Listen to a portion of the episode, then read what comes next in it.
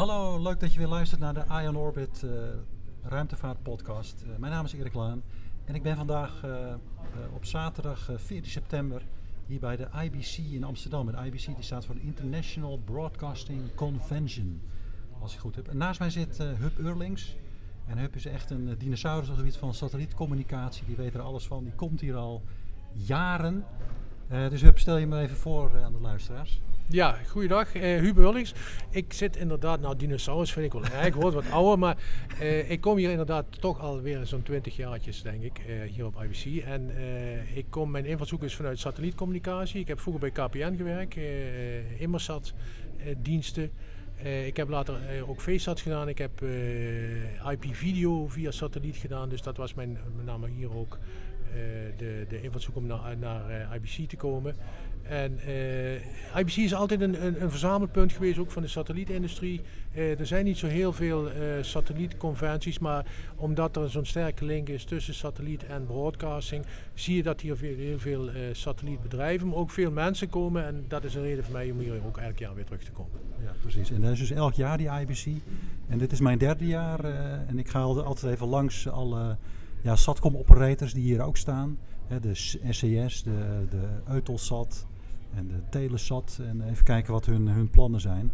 En het valt me altijd op gewoon dat het zo'n ongelooflijk grote conventie is. En dat het niet alleen over satellietcommunicatie gaat, maar eigenlijk de grotere markt uh, daaromheen. Hè. Dus, dan zie je dat de satellietbusiness eigenlijk maar een heel klein onderdeel is van die veel grotere broadcastingmarkt. Ja, precies. Uh, het is natuurlijk voor satellieten in het algemeen, dat is broadcasting, dus het, het, het distribueren van uh, tv-programma's, is een hele belangrijke, misschien wel 80, 90 procent van de inkomsten.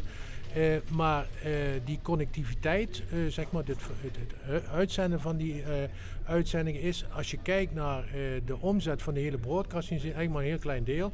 Het maken van programma's, met name dit wat ze hier noemen, het content is king. Het maken van programma's, dus mooi in beeld brengen, goed geluid, eh, mooie studio's, interessante programma's. Die hele technologie, wat, wat, wat gemoeid is met het maken van eh, tv, dat zie je hier op IBC. En, en, en het uitzenden en, en ook het live, uh, de live contributie met uh, satellite news gathering auto's en dat soort dingen. Dat is ook wel een, een, een, onderdeel, maar dat is relatief klein als je vergelijkt met de hele, ja. hele broadcast-industrie. Ja. ja. je ziet dus echt die hoge datarate-industrie eigenlijk hier. Dus, en, maar we zien natuurlijk een aantal trends uh, die zich in de ruimtevaart uh, afspelen. Ja. Dus vanmiddag ook hier een interessante sessie over uh, ja. bij Newtech, over Meo Leo. Dat je ziet dat veel meer bedrijven ook van die geostationaire orbit uh, weggaan. En dus allemaal dingen in MEO doen en in LEO. Ja. En jij bent ook een van de experts op het gebied van, van IoT. Ja, dat is een klopt. van die trends eigenlijk die je ziet in die satellietindustrie. Die, ja, die ook naar LEO brengt. Uh, allerlei connectiviteitsdingen voor, uh, voor lage aardbanen. Ja, ja, wat je ziet is natuurlijk eerst in die, in die satellietindustrie met de relatie tot broadcast iedereen huivert natuurlijk van Netflix. Hè. Overal ligt glasvezel. Dus dat is één heel belangrijk iets. Uh, dat uh, veel tv-programma's niet meer via satelliet worden, uh, worden verspreid, maar nu gewoon via kabel, glasfiber, glasfiber of coax.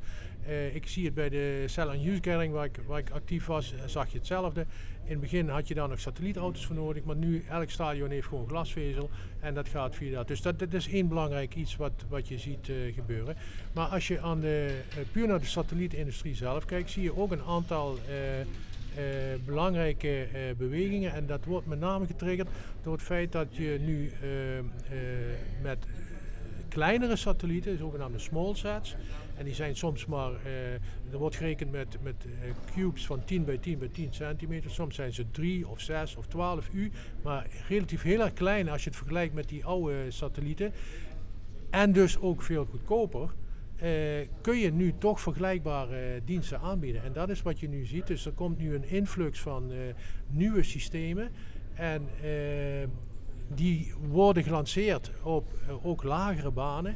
Dat noemen ze dan low Earth orbit in vergelijking met de geo, geostationary Earth orbit van die, van die grote satellieten. En dat zet ook een beetje die hele, hele satellietindustrie op zijn kop. Ja. Ja, ja. En, wat, en wat kun je nou eigenlijk met die, met die IoT-oplossingen, wat zeg maar ja, tot nu toe uh, niet, niet kon. Hè? Of dat je, uh, snoep je bijvoorbeeld ook een deel weg van die geostationaire markt. Doordat je die, die lage aardbanen gebruikt met IoT-satellieten. Ja, zijn wel, welke nieuwe toepassingen kijk jij nou naar bijvoorbeeld? Ja. Wat, wat, wat er voornamelijk gebeurt doordat die, door de, die IoT-satellietsystemen met, met smallsats en in, in LEO-banen, die kosten van die, uh, van die data, om data van uh, waterwereld ook naar, eigenlijk gewoon naar het internet of naar je, je pc te brengen, die gaan drastisch omlaag. Het, dat, je kunt, en ik denk dan vooral aan, aan data van allerlei sensoren, dat kan temperatuur, luchtvochtigheid, bodemgesteldheid, voeding in de bodem, allerlei data die, ehm, die je kunt gebruiken op, op om, om bijvoorbeeld dijken te bewaken, om uh, agriculture toepassingen beter te laten draaien. Dat wordt veel goedkoper en wat er gaat gebeuren eigenlijk door die nieuwe systemen is dat het aantal datapoints, dus het aantal meetpunten wereldwijd, dat gaat gigantisch omhoog.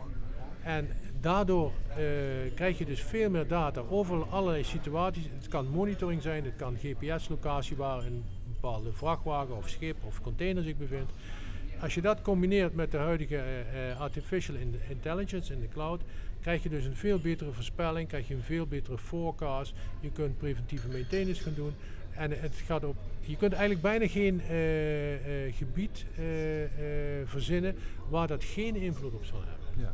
Maar en hoe, hoe sta je nou tegenover, zeg maar in Nederland, hè, daar is de, de 4G-dekking vrij goed. en waarom zou je dan bijvoorbeeld een sensor via zo'n IoT-systeem, zo'n satellietsysteem willen laten werken, is dat een kwestie van kosten, dat je met zo'n 4G-systeem toch duurder uit bent? Hmm. Of, is dat, of, of, is de markt niet in Nederland voor IoT? De markt is niet in Nederland. Je moet zien, uh, allerlei netwerken. Uh, we zitten in een multinetwerkomgeving. Je hebt, thuis heb je wifi-netwerken. Je hebt Bluetooth, gebruik je ook. Maar je hebt ook een ADSL-verbinding. Uh, je tv, als je via de kabel komt, komt die toch uiteindelijk via satelliet op het kabelhoofdstation naar binnen via een schotel. Dus, en datzelfde zie je met IoT ook. Er, er zijn uh, uh, wat ze noemen low power wide area networks, als, als LoRa, als Sigfox, dat zijn nieuwe netwerken, dat zijn radionetwerken. Dat kun je perfect gebruiken voor in de stad. Die hebben een bereik van 1, 2 kilometer. Kost niks, het is een vrije frequentie. maar dat is allemaal in de, urban, eh, in, in, in de stedelijke gebieden wereldwijd is dat. En als je bekijkt, eh, heb je ongeveer in 10% van de wereldoppervlakte heb je maar eh, eh, terrestriële netwerken, zoals GSM of die, die, die LP1. En daarbuiten is eigenlijk niks. En daarbuiten zie je dat satellieten, en nou met name die LEO-satellieten, die gaan dat gat opvullen om ook daar lage kosten uh, connectiviteit uh, te bieden voor dit soort toepassingen. Ja, dus die, de 90% van de gebieden op aarde die dus eigenlijk niet goed connected zijn. Precies. Die kun je daarmee connecten met, deze, met ja. deze service. Want je, je, je bent in feite complementair aan de, aan de aardse netwerken. Iedereen weet wat er gebeurt in, in, in, in huis.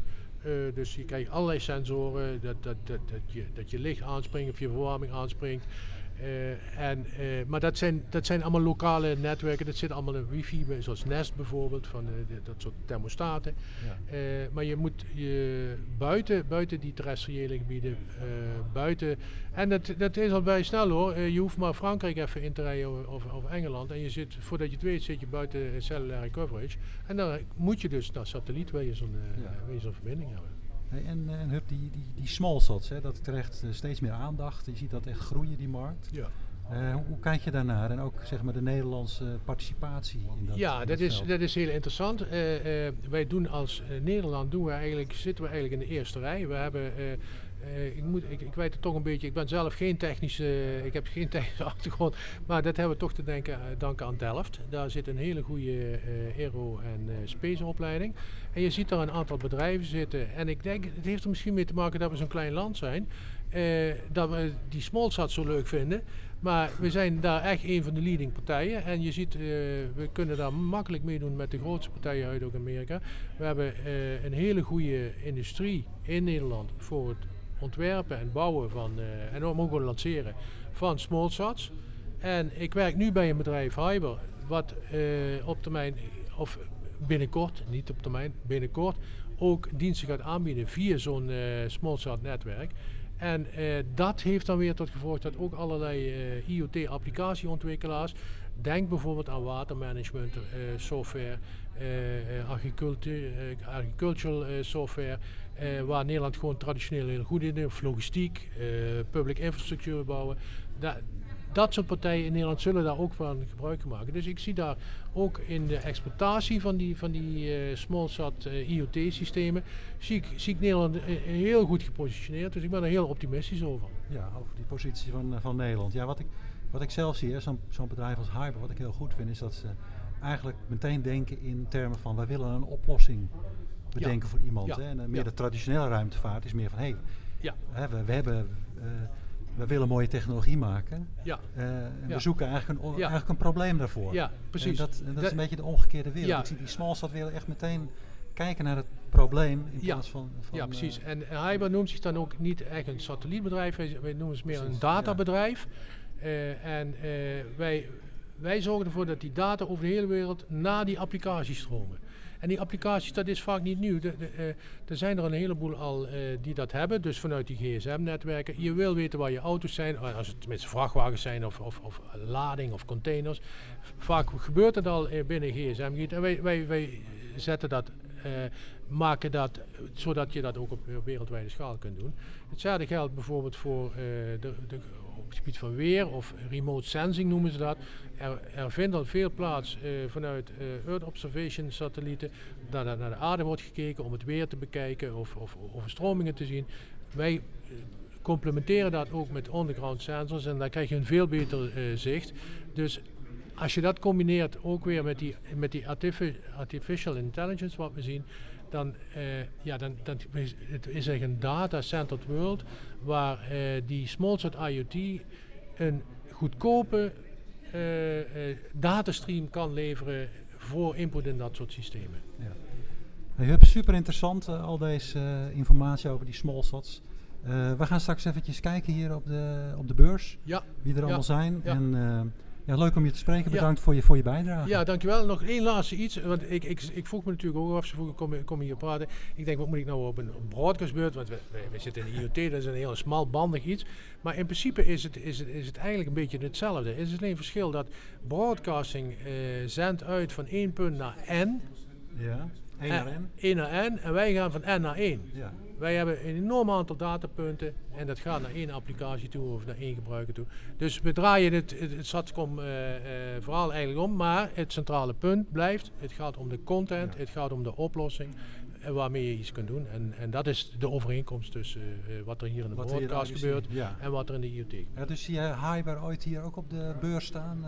want je ziet weinig. En je ziet eigenlijk die grote conventionele telecom operators zie je hier. Ja. Maar zeg maar die nieuwe, de nieuwe spacewereld, hè, waaronder ook die, die smallsat weer, die, die, Nee, die zie je hier niet. Het, het, ecosysteem is ook hier, blijft toch meer gericht op tv en, en, en video ja. en dat soort dingen.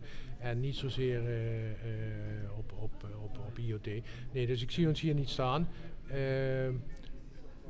nee, dat zie ik niet gebeuren. Nee. Oké. Okay. Goed, mensen, leuk dat jullie geluisterd hebben en tot de volgende keer. Oké, okay, dankjewel. Dag.